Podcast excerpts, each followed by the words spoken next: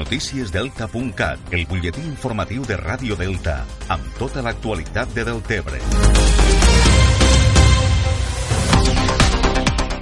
Comencem el repàs a l'actualitat per la informació esportiva i és que la Cava continua imparable este inici de Lliga i ja suma 5 victòries en 5 jornades. Ahir va imposar-se per un contundent 3 a 0 davant el Flix en una victòria molt merescuda amb dos gols de Said i un de Casemi.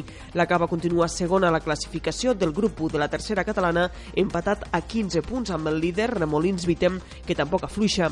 També bones notícies per al Jesús i Maria que ha sumat al camp del Roquetenc la primera victòria de la temporada. El partit va acabar dissabte 2 a 3 amb gols de Sergio Ruiz i Aleix Zaragoza per part dels partidalencs. Amb esta victòria, el Jesús i Maria es situa 12 a la classificació amb 5 punts. I pel que fa a la quarta catalana, el filial de la Cava va perdre per un contundent 5 a 0 al camp del Mas d'Enverge.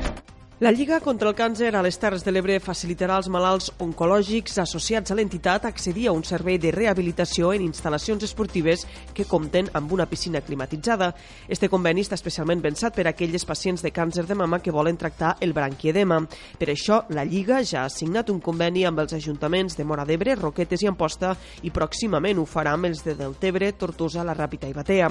L'acord preveu que els consistoris cedisquen dos cops per setmana espais de les instal·lacions municipals per realitzar sessions grupals de rehabilitació i la Lliga contra el Càncer, per la seva banda, s'encarregarà de la dotació econòmica perquè els professionals duguen a terme la rehabilitació. S'espera que abans de Nadal estiguen ja en funcionament. Més qüestions, l'agrupació de penyes i comissions taurines de les Terres de l'Ebre ha significat unitat en l'assemblea informativa que es va celebrar dissabte al vespre a Amposta i han participat penyes de la Comunitat Valenciana, de la Unió de Taurinos Aficionados de Catalunya i de les penyes de Vidreres i Cardona que han donat el seu suport als ebrencs després de la resolució aprovada al Parlament. El president de l'agrupació ebrenca, Santi Albiol, ha assegurat que faran el que faci falta per defensar els correbous i va celebrar que els alcaldes dels pobles amb bous hagin fet també un front institucional nacional. I arribarem on faci falta per defensar la festa dels bous, siga a Catalunya o siga a qualsevol altre indret del país que es necessiti en un moment, en un moment determinat.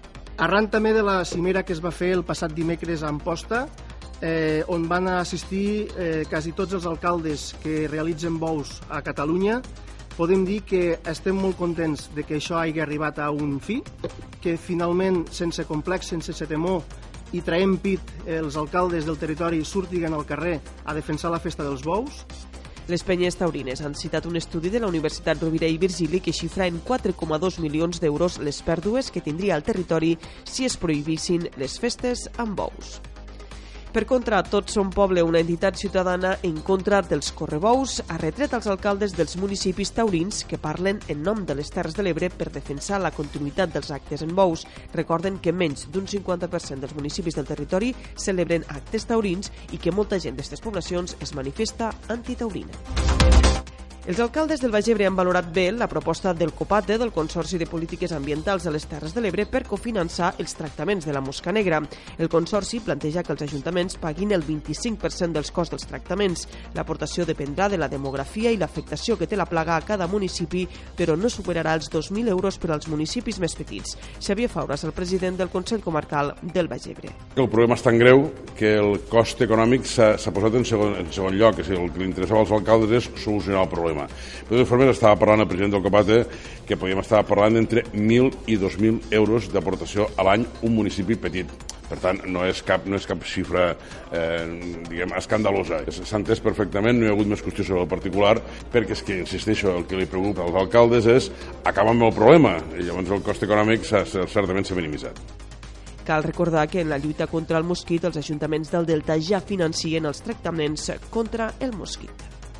El grup d'acció local Galp Mar de l'Ebre ha posat en marxa una sèrie de tallers pedagògics al voltant de la pesca sostenible i els residus marins. En els tallers, que han començat este matí a l'Escola L'Assumpció de Deltebre, es dona a conèixer les diferents arts de pesca, la pressió que s'exerceix sobre determinades espècies marines i la problemàtica dels residus i dels plàstics al mar, a través de quatre tallers dinamitzats per monitors. Això és tot per ara. Ja saben que trobaran més notícies al portal deltacat.cat.